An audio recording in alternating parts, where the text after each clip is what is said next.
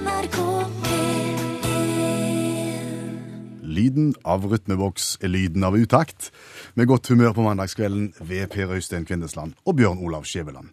Og er kransekakekrisen avblåst en gang for alle nå? Ja, ja, om ikke en gang for alle, så er det iallfall sånn at eh, vi har jo vært uten kransekakevits lenge, fordi at butikken der vi kjøper de, har skifta leverandør, og, og den leverandøren var ikke på plass. Ennå. Men, men sist uke så kom allmennlæreren med to vekttall inn med fire stykker, Okay. og det betyr at vi har tre igjen. Som vi kan bruke mens vi venter på den nye leverandøren. Ja, Og de har en annen farge, ser jeg. ja de er rosa, og, og forrige gang så var vitsen på engelsk. Det er internasjonale kransekakevitser. Er du klar? Ja. Ja, Det er jo ikke mye å være redd for det der smellet, for å være helt ærlig. Nei. Vi pakker ut. Er det, er det uh, hatt? Nei, det er, pla, der er plastfigur. En centimeter høy gule mus. I stedet for hatt. Ja. Men, men hva med vitsen? Den er der, og den er på engelsk. Nei, nei. Da tror jeg vi skal ta det rolig, og så skal vi oversette underveis. Ja, why is an elephant large, grey and wrinkly? Altså, hvorfor er en elefant stor, grå og skrukkete? Aha. Eller rynkete? Og svaret er Because if it was small, white and smooth, it would be an aspirin. Altså, hvis han var liten, hvit og glatt, så ville det vært en aspirin. Ja, eller eventuelt en Ibux, eller Dispril, eller gloid. Globoid, eller noe. OK. NRK P1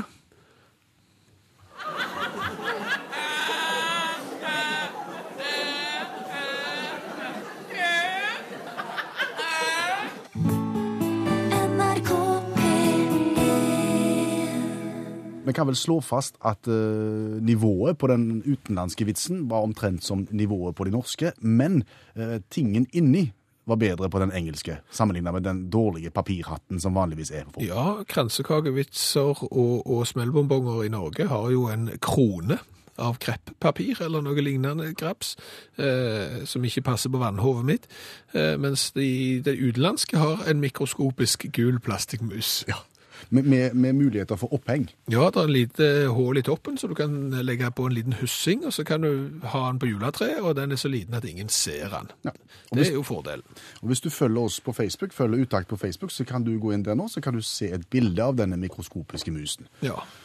Så får du et inntrykk av hva vi snakker om. Ja, og på den Facebook-sida kan du skrive beskjeder til oss hvis du vil ta opp eh, spesielle tema i kveldens program, eller så sender du en SMS til 1987 som du starter med utakt, og foreslår hva vi eventuelt bør snakke om. Tanken er at vi skal gjøre hverandre gode. Absolutt.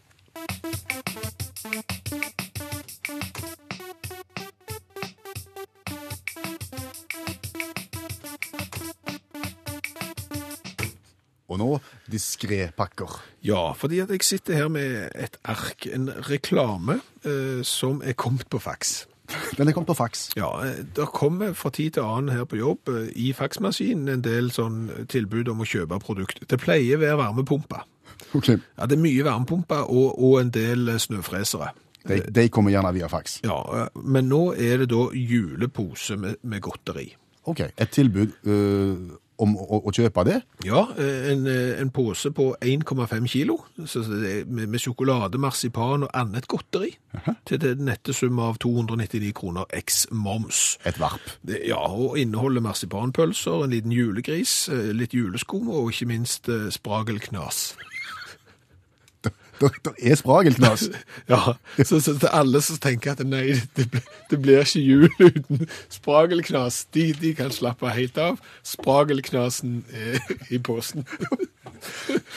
Men nå tenker jeg at Jeg tenker at du og jeg i vårt lille firma Ja. Er det sånn at du nå har tenkt å, å overraske meg med halvannen kilo spragelknas? Ja, nå er jo ikke overraskelsen til stede lenger. Jeg har jo et enkeltmannsforetak, så jeg tenkte mer å overraske meg sjøl.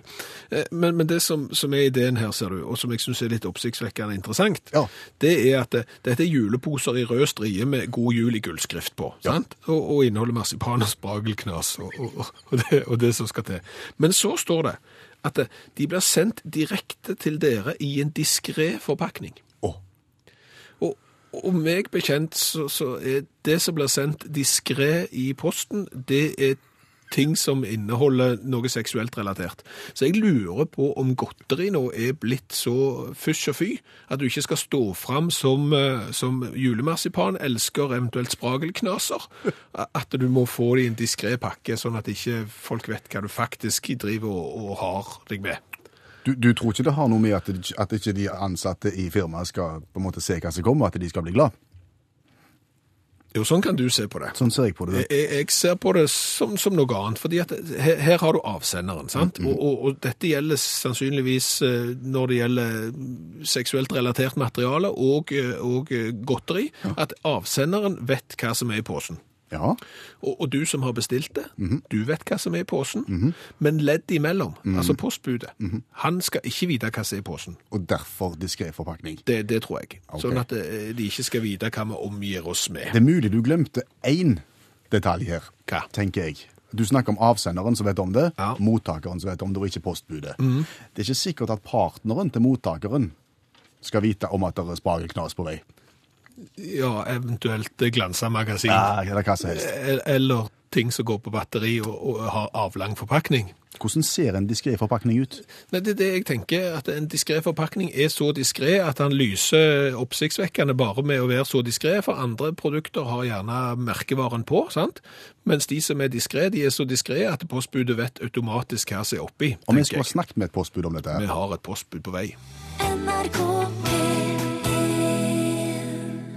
Hvor vi snakker om eh, eh, pakker sendt i posten, gjerne i diskré forsendelse. Ja, og de fleste produktene som blir sendt i diskré Innpakning. Innpakning er jo gjerne produkt av en litt eh, seksuell karakter, må vel være lov å, å si. Og, og vi mener jo kanskje at eh, disse diskré innpakningene er så opplyst og åpenlyst diskré at til slutt så vet alle hva som er i de. Ja, ja, Vi lurte litt på det, så vi tok kontakt med postmannen. For postmannen bringer jo rundt disse pakkene her. Ja. Og, og spørsmålet er, er de såpass åpenlyst diskré at det går an å se det? Postmann Klink.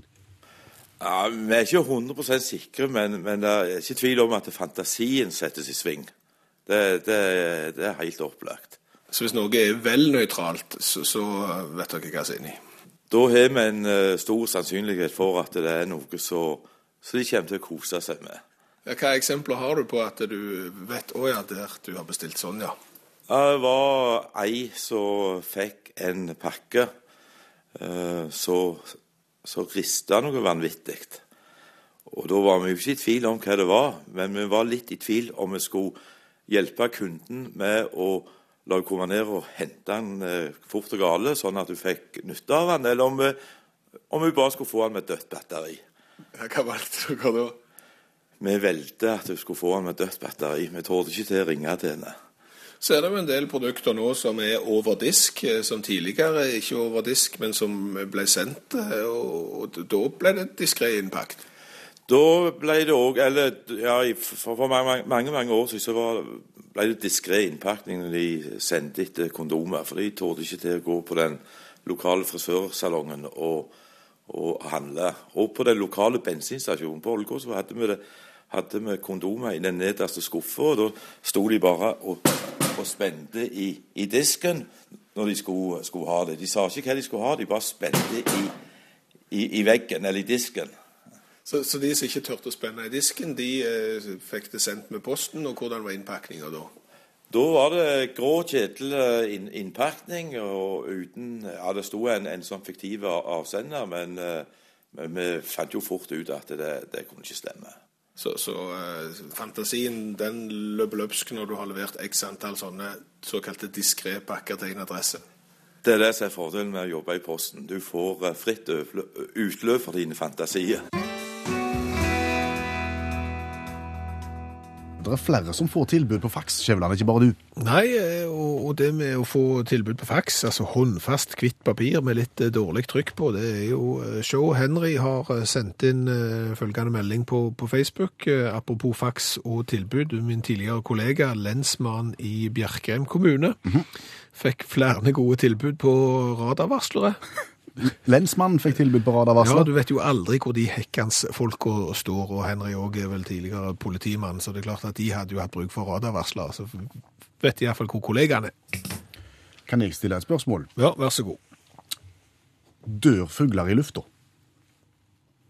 De dør vel der de er, enten de er i lufta eller på bakken. Ja, hvor, sånn, sånn rent statistisk sett, hvor tror du eh, fuglene oppholder seg lengst i løpet av et liv? I lufta. Ja. E- Eller eventuelt på en veier.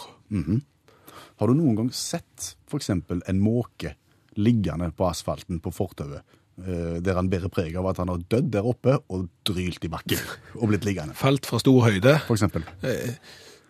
Ja, men jeg, jeg har jo lest, jeg har jo hørt salmen 'Ikke en spurv til jorden', så, så det kan jo godt hende at Nei, jeg vet ikke, jeg. Nei? Nei, jeg har aldri sett fugler dø på direkten, liksom, og, og, og dette til jorden som et prosjektil. Det, det har jeg aldri. Det, det er godt mulig at det er en helt fin forklaring på dette her som ikke vi behersker, og som vi får ta del i etter hvert her. Ser ikke vekk fra det. Ja. Men som jeg sier, de er jo stort sett oppe i lufta der. Ja. Og sjansen for at de dør der oppe må jo være ganske stor. Ja, det er klart. Ja, og da detter de jo ned. Ja, Ja. for det at hvis du eksempel kommer ut eh, en dag fra jobb, så ser du gjerne bilen din, sant? Så er det gjerne en del fugleskit på den bilen. Mhm. Det betyr at det har vært fugler i lufta over bilen, Rett over bilen. og, og, og de har sluppet ned eh, etterlatenskapene sine mm. på bilen. Men du har aldri kommet ut og funnet en fugl på bilen. Måke på vindusvisker. Nei, aldri. Eller liksom kjørt på veien og sånn, og så plutselig så Der. Nei. De fyker i, i vindusruter, eksempel hjemme. Det skjer jo, for da ser de ikke at det er vindu. Nei, og det har nok litt med dårlig oppdragelse å gjøre òg. At de eh, enkeltbekkasiner eller andre fugler, liksom når de har hatt voksenopplæring, så har de sagt hvis du ser en sofa der framme, så ikke fly rett mot det, for da er det ofte et vindu mellom. Så der har nok oppdragelsen litt å bety òg. Men, men, men det, er som du sier, nei. Det spørs ikke om det er en innebygd greie her, at når de kjenner at nå, nå begynner det å lakke og li, Ja. nå jeg føler meg litt kald i kroppen nå, og det spørs om ikke det, det, det jeg synger på siste verset, bokstavelig talt, Ja. Så rigger de seg til på et eller annet vis på landjorda, og, og tar en stille og forsiktig kveld. De går inn for en sånn siste landing, rett og slett. Det er litt sånn som, husker du indianerne? Nei. i, i filmene. Da når de ble skikkelig gamle og sånn, og ante at nå det, går det mot siste, sant? Store bjørn skal hvile for alltid og sånn, så gikk de ut i skogen og så la de seg til. Sier du det? Og det er mulig at det det fuglene også gjør. Altså, nei, vet du hva, nå kjenner jeg på vingeslaget at det, nå er det såpass skralt, at det, la oss komme oss ned nå i, i ja, men hvor, hvor setter de seg da? Nei, det... Jeg bare stiller spørsmål, Ja. og forhåpentligvis så er det svar der ute. Ja, så, så hvis du har et svar på dette, dør fugler i lufta eller bare på bakken, så send en sms til 1987 som du starter med utakt, eventuelt gå inn på Facebook-sida til utakt. NRK P1 Og Olav Hove, hvorfor er jula livsfarlig? Um, ja, mange grunner. Det, er ja, jeg skjønner ikke at vi tør å feire egentlig, for det, det er en masse uh, ulykker. Så Baserer du dette på egne opplevelser, eller på statistikk fra hele verden? begge deler. Her får de en totalpakke på katastrofehjul. Eh, Jeg kan, jeg kan begynne med meg sjøl. Jeg hadde jo, jeg hadde jo sånn eh, litt illudert eh, stearinlys på juletreet mitt før i gamle dager. Illuderte Takk. Ja, sånn som ser det som stearinlys. Du veit hva jeg mener. sant? Eh, Litt sånn høye, stive, tjukke, hvite. sant? Ja, med lyspærer Ja, igjen. ja 12, 12 til 25 i pakken, da. Og, så, og det var greit. Men så, var jeg, eh, så, så tok jeg båten fra uh, Frihetsgudinnen og inn til land. da. Nå er du i Amerika. Ja, det var en sommer. Og det, det heter Batteryparken. og Jeg tar den båten mange ganger. Og når du kommer i land med den båten, så dukker det opp en del handelsmenn. Og de har liksom ikke egen butikk, de har ikke egen, heller ikke egen bod eller traller. Det er liksom en butikk. Ikke statsborgerskap heller. Nei, det er liksom en egen butikk i seg sjøl. Og så sitter de som åpner frakken og har klokke, da. Eh, og imot meg kom det en kar som hadde juletrelys.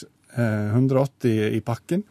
Og det var jo en revolusjon for meg, så jeg kjøpte det, og jeg slo til der nede på en, en, en varm sommerdag.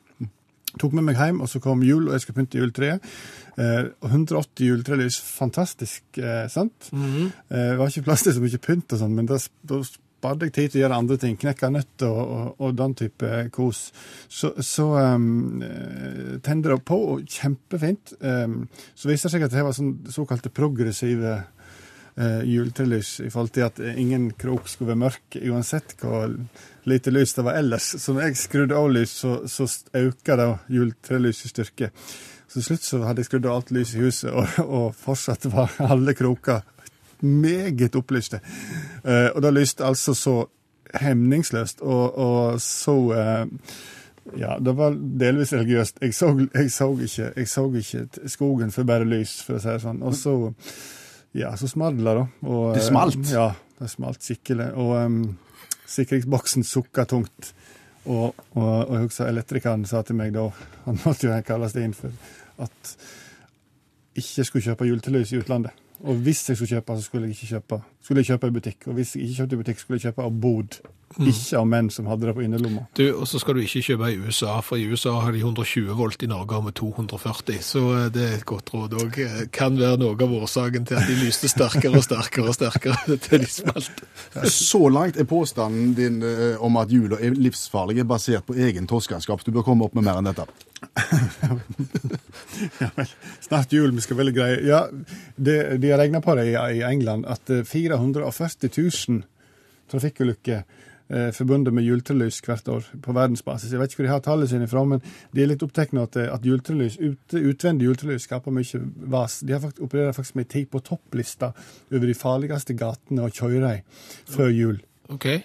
for å bli distrahert. da. Du, Det- syns, du syns det er fint å se på, og så kjører du galt? Ja, litt varierer litt, da. det er jo en del sære ting òg, da. Men altså, Lower Morden Lane i Surrey, hvis de googler den, folkens, så kan de se at det er den mest farligste gata å kjøre bil i før jul. Visstnok på noe estetikk og sånne ting, da. Så, men ellers når det gjelder ulykker, så er det jo, er det, jo det mest vanlige her i landet sånn, er jo oralt relatert. Det vil si altså folk, voksne som eter for mye, unger for som smaker på julepynt. Um, Julekule ser godt ut, tydeligvis, og, og mye eting. Og, det. og så vi, er det en finfin tradisjon at vi drar giftige planter til hus. Sant? Både misteltein og julestjerner er jo dødelige. Eh, Skottland er det faktisk opptil 20 stykker hvert år som blir innlagt pga. mistelteinforgifting. Um, ja, og det er masse sært. Uh, og skal vi snakke om gave, der er det mye skummelt. Uh, I USA er det 200 stykker per år som blir oppsøker lege eller går til sykehus pga. at de ikke har fjerna nålene fra skjortene de får til ja, Ja, Det er også en av julens lumske farer. ja. og så er det jo høgsesong for å teste om batteri virker med tunga. Noe som eh, enkelte reagerer allergisk på, og faktisk tar kvelden. Så er sånn lyset slukkes. Det er mye slikt. Så det er kjempefarlig, og det regner på det. I USA er det altså over 1000 juletrelaterte skader per år. Em, og i England så er det 1000 stykker som per år uh, stikker seg sjøl på første juledag fordi de bruker saks eller kniv når de skulle brukt skrutrekker. Kjenner kanskje etter problemstillingen. Jeg har gjort det sjøl, akkurat det der. Um, livsfarlig. Og, og ikke minst når det kommer til romjuli, så blir det bare verre. Og hvis vi tar Canada til slutt, skal vi gjøre det, så er det 120 personer som hvert år får sykehusbehandling pga. Eh, såkalte feilslåtte selskapsleiker. Påsken må komme fortere enn svint. Altså. Så allmennlæreren med to vekttall i musikk har vel egentlig avskaffa julen for, av, av Av. HMS-hensyn. Jeg syns det. Det er noe for en fagforening, iallfall. Og vær forsiktig med polonesen, for guds skyld. Og Vi stilte spørsmålet for eh, et kvarter siden om eh, fugler dør i lufta, og dette boms i bakken. Sjelden vi ser det. Ja, det, det er sjelden vi ser. Og og spørsmålet er jo, skjer det av naturlige årsaker i den forstand at de kanskje får hjerteinfarkt? Jeg vet ikke hva fugler dør av, jeg. Altså at de har høyt kolesterol og et eller annet, og så dør de i lufta. For, for det er klart, her er det en historie som jeg har fått inn på SMS, som er sendt til 1987, og som er starta med utakt. To speidere som ble truffet av ei svane, som ramla død fra himmelen. Men, men den igjen var blitt truffet av lynet. Ja. Den svaner. Så det har jo eh, for så vidt en naturlig årsak. Det går det ikke an å planlegge. Til, til og med svaner kan ikke planlegge akkurat eh, det. Eh, så har du følgende historie fra, fra Titti. En pjuska, pjusket liten meis for noen år siden i treet ved, ved fuglebrettet, og en iskald dag så falt han død til bakken. Men da var han jo allerede i treet, altså han var jo på en måte i Han var ikke i lufta. Så den har gjerne funnet ut at nei, nå er det kaldt, og jeg føler meg litt pjusk, og er ikke den meisen jeg En gang var. en gang var det. Årene tærer på enhver meis. Og, og før de begynner å bære meg, den såkalte bæremeis, Så, så, så er det bare å legge en året. ja, så, så eh, foreløpig eh, Altså Har ikke fått svar på jeg har ikke fått svar på spørsmålet om fugler dør en naturlig død i, i lufta, i fri flukt. Hvis de flyr mye på byen, så tenker jeg, og har en usunn livsstil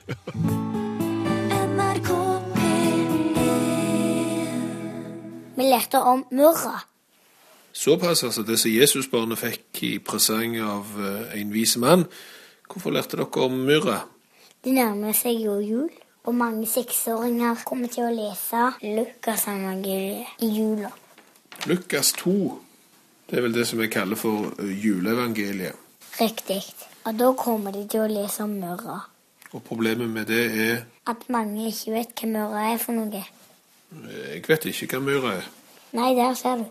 Myra er nemlig saft av tre av komifora-arten. Et tre som vokser i Arabia og Afrika.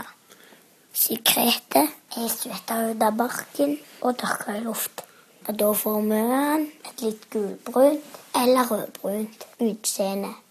Med litt go- godvilje så ligner det på kanel. Ok, så, så Jesusbarnet fikk krydder i tillegg til gull og røkelse.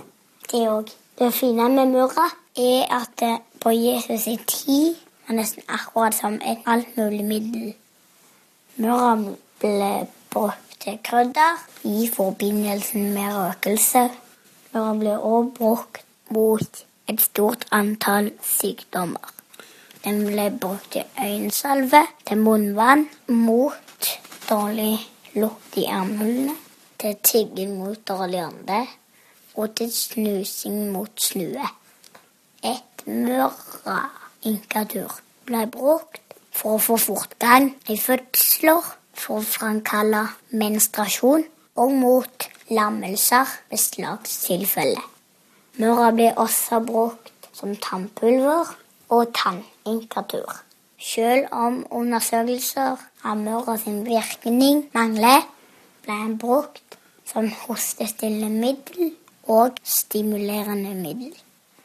Så da kan vi vel egentlig si at Jesus fikk gull, røkelse og, og deodorant til fødselen. Hvis du skal tulle det vekk, så kan du si det. Men mørra var bokstavelig talt gull verdt på Jesus i tid. Alt du vet, har vært ei grei uke. Ja, tålte ikke akkurat.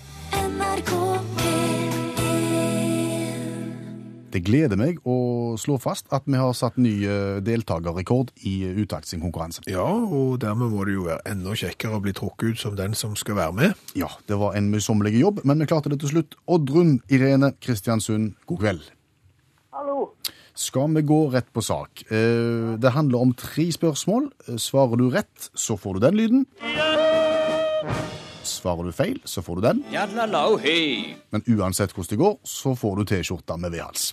Ja, kjempebra. Ja, og, og det er litt vilkårlig hva spørsmål du får, eh, Oddrun Irene, fordi at det er du som må, må bare velge ei, et sidetall mellom 9 og 361, og det må være et oddetall. Mm, Oddetall. Eh, 311. 311.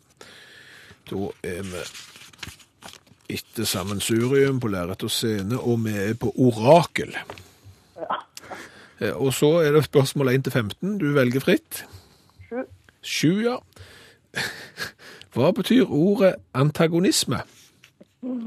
Ja, den som visste det. Mm. Jeg vet ikke. Nei, det brukes mye når du analyserer film. Da har du en protagonist og en antagonist. Eh, Hjalp gjerne ikke mye. Nei, det, Ja, ja, det er en motstander. Det er da en motsetning, et fiendskap. Det er liksom, skur, skurken i filmen er gjerne antagonisten. ja. Ikke la deg stoppe, Oddrun Irene. Gå videre med et nytt tall. Eh, 273. 273 Skal vi se Står er vi forbi sportsblanding, og vi går til scenevant. Høres det kjekkere ut? Jeg vet ikke. Jeg vet ikke. 1 til 15. Eh, 3. Tria. Eh, For hvilken film fikk Hall Berry Oscar for beste kvinnelige hovedrolle i 2002? Åh, ja. Sier det. Den var vrien. Ja, dette, dette er vrient. Eh, Jeg har ikke peiling, altså. Halle i 2002. Ja, jeg har ikke, ikke vært i nærheten sjøl. Jeg har sett filmen. Det har jeg, men eh, nei. OK, vi kjører den. Uff, uff. Ja, ja, ja. Filmen heter Monsters Ball. Ja vel. Men, men jeg kan røpe såpass at jo nærmere du kommer tallet ni, jo yngre eh, Altså for, for, for eh, desto yngre folk er spørsmålene. Bare som tips. Da velger du et tall. 17. 17, ja. 17 er valgt. Da er vi på lettmix. Lettmix og nummer 5. 5. Fem. Hvem, var, er, hvem er det som sier ja takk begge deler? Det må da vel være Ole Brumm, det. Der satt han til slutt, Oddrun. Ja, det var bra. Det var godt. Ja, men det er godt å kunne ha mestringsfølelsen. Ja, tror du det, ja. Ple, pleier du å være mye på quiz? Nei. Nei. Men jeg hører på utakt. Ja, men det er like kjekt. Da skal vi sende ei T-skjorte med vedhals av gårde til Kristiansund, og så får du ha ei god adventstid og ei god juletid. Ja, tusen takk i like måte. NRK P1 Nå, Skjæveland, skal vi gå i gang med noe som aldri før, tror vi, har vært gjort i norsk og internasjonal radio. Ja, etter det vi har grunn til å tro. Fordi at hvis vi går ei tid tilbake, så vil jo vi slå et slag for det som vi på dialekt kaller for påsesmelling. Ja, det vi gjorde, vi snakket en del om det å, å blåse luft i forskjellige typer poser. Det begynte med sånn, sånn godteripose av type papir. Blåse opp den og slå den mot låret. Ja, for det mente vi var en eh, kultur som var i ferd med å dø ut. Ungdommene var mer interessert i tweets og, og PlayStation og Justin Bieber. Ja, og vi tenkte, la nå ikke dette med posesmelling gå, gå i graven med, med vår Nå hørtes vi gamle ut, gitt. Ja. Eh, Med, med vår generasjon, la oss løfte dette til et nivå som ungdommen syns er kjekt. Og vi tenkte jo at eh, skal de synes det er kjekt, så må det smelle høyt, og det må være store ting. Men så tilbake til det vi begynte med å si nå, at vi skulle gå i gang med noe som aldri har vært gjort før. Ja, eh, det som ikke har vært gjort før, det er at vi rett og slett har fått tak i en så stor pose. Det, Vi visste ikke det var så store poser, men det er der. En kjempestor pose, så det er plass til en mann inni. Ja. Så da tenkte vi, istedenfor å liksom vise smellet fra utsida, la oss vise smellet fra posen sitt synspunkt. Ja, tanken er å, å bli med inn i posen, Ja. sammen med, med en luftkompressor, slange, Ja. og blåse opp uh, posen, og la den smelle, og la oss da få høre hvordan det oppleves fra innsida. ja, det er tanken. Ja. Og grunnen til at vi har lagt det nå eh, så seint på kvelden, det er fordi at vi vil jo ikke oppfordre noen unger til å krype inn i plastikkposer. Er, så nå satser vi på at det er bare de voksne, de med gangsyn, så- som vet at du skal ikke gå inn i en pose. Nei. Men hvis du nå går ut i posen, Ja, og så gjør du deg i stand, Ja. og så skal vi få stripsa igjen dette her, og fyrt opp kompressoren, og om 3 minutter og 40 sekunder, så skal vi se hvordan det går. ja. Eh, Skjæveland, er du inne i posen? Ja, jeg er det. Jeg har lagt meg i fosterstilling på gulvet inni den store plastikkposen, med kompressorslangen inni og sendeutstyret inni, og er for så vidt klar til å begynne å blåse, men jeg må få noen til å tette posen i enden her. Altså, du kommuniserer altså med verden nå innenfra en stor, stor blank plastikkpose. Ja. Og, og prosjektet er altså å da tilføre luft, såpass mye luft at posen sprekker, Ja. og, og vi får en opplevelse av, av hvordan posesmelling virker sett fra posens ståsted. Ja, kan du, kan du forlate miksebordet, komme ut eh, på gangen her og så stripse igjen posen i enden, sånn at den blir lufttette? Er du helt sikker på at det er en god idé? Nei, det er jeg ikke sikker på er en god idé, men den er vel like dårlig som de andre vi har hatt, så det er vel ingen grunn til å forandre på det. Så hvis du bare kommer ut nå og så får stripsa på den, så, og jeg, jeg ligger jo som sagt da i eh, fosterstilling på gulvet her med sendeutstyr, nå er Per Øystein kommet ut da, så her har du enden, og så bare stripser du igjen så godt du kan, sånn at vi kan begynne å, så er det jo altså dette opp, vet jo ikke om dette er sånn spesielt lurt sånn luftmessig og sånn, men nå har han stripsen på, strammer han, må stramme han godt så det ikke kommer luft inn. Skal jeg koble på eh, kompressorslangen sånn, og så begynner vi å, der er stripsen på plass, og så strammer du godt igjen. Ja, kom an, dette er stripsfaglig veldig svagt. Sånn ja, ok. Da er den klar, og vi begynner å blåse luft inn i posen. Og eh, foreløpig så skjer det ikke spesielt mye. Det ser ut som posen blir Der begynner kompressoren å Ja, altså nå er Dette er jo aldeles Er det fiasko? det er jo ikke så mye som Nei, vet du hva. Nei, det her var jo bare tåpelig, altså. Hva er problemet? Posen ble jo ikke større. Snakk i mikrofonen. Posen ble jo ikke større i det hele tatt. Det blåser og blåser på luft, jeg, og da Nei, det her er fiasko, på Røystein. Har, har jeg nevnt for deg at jeg eh, har hilst på Bruno Mars? Du har ikke hilst på Bruno Mars. Du har sittet på samme benk som en som hadde butikk på Hawaii, der Bruno Mars sto ut forbi og spilte med kassagitaren sin for å tjene til livets opphold. Det er ikke det samme som å hilse på Bruno Mars. Nei, men vi hadde en god tone. Hjelper ikke det. Du er ute av posen. Ja, Uh, fiasko igjen. ja. Kan, fiasko kan være god radio, det jo, sa du. Ja, ja, men altså det vi prøvde på, det var å sitte inni en stor plastpose, stripse den igjen i bånd med kompressorslange inn og sende radio innenfra en pose i det han smeller. Eh, For at en pose skal smelle Per Øystein, så, så innebærer det at det må være et visst trykk der inne. Ja. Det kom aldri. Det var som en sykkelslange med masse hull i. Ja. det- det ble ikke noe fres. Nei. Og, og hvis du fikk bilder i hodet av hvordan dette her ser ut, så kan du gå inn på våre Facebook-sider og se om dine bilder stemmer med virkeligheten. For der ligger bildet av Skjæveland i plastteltet med noe slunket luftinnhold. Ja. Ja. Så sånn var det. Andre planer? Eh, Ikke så jeg kommer på nå, at det må jo Det kan umulig bli verre enn dette.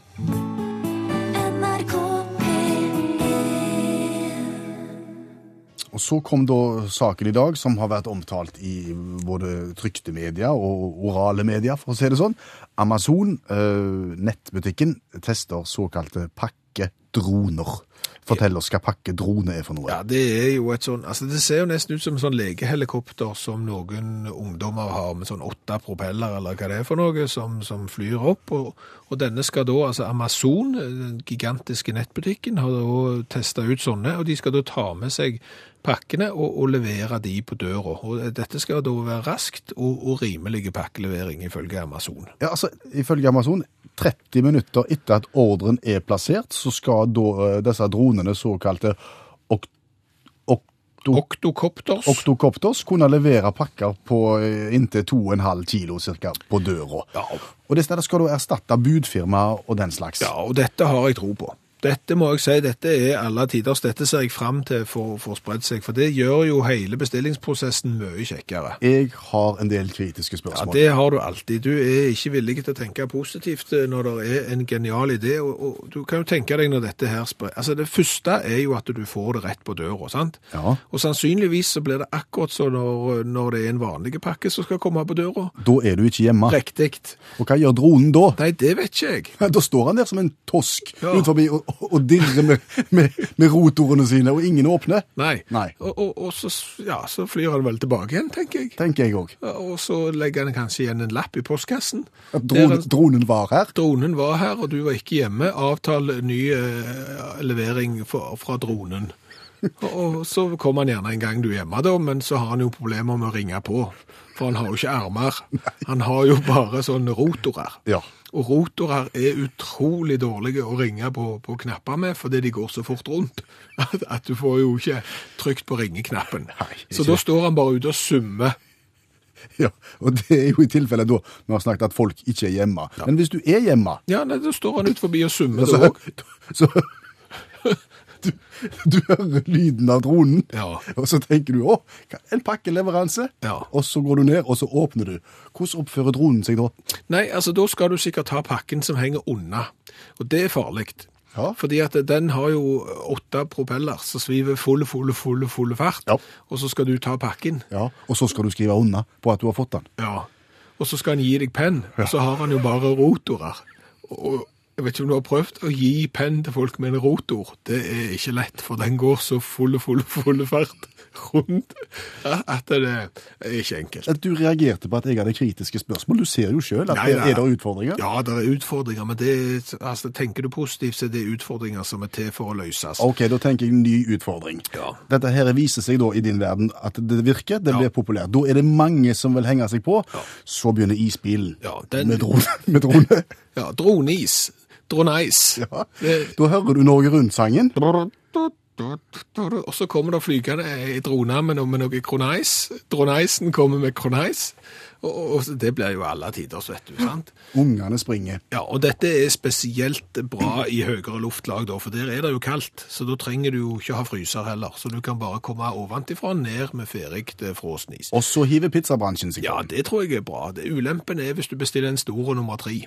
Ja. Fordi at diameteren er så stor at det kommer i konflikt med, ro med rotorene.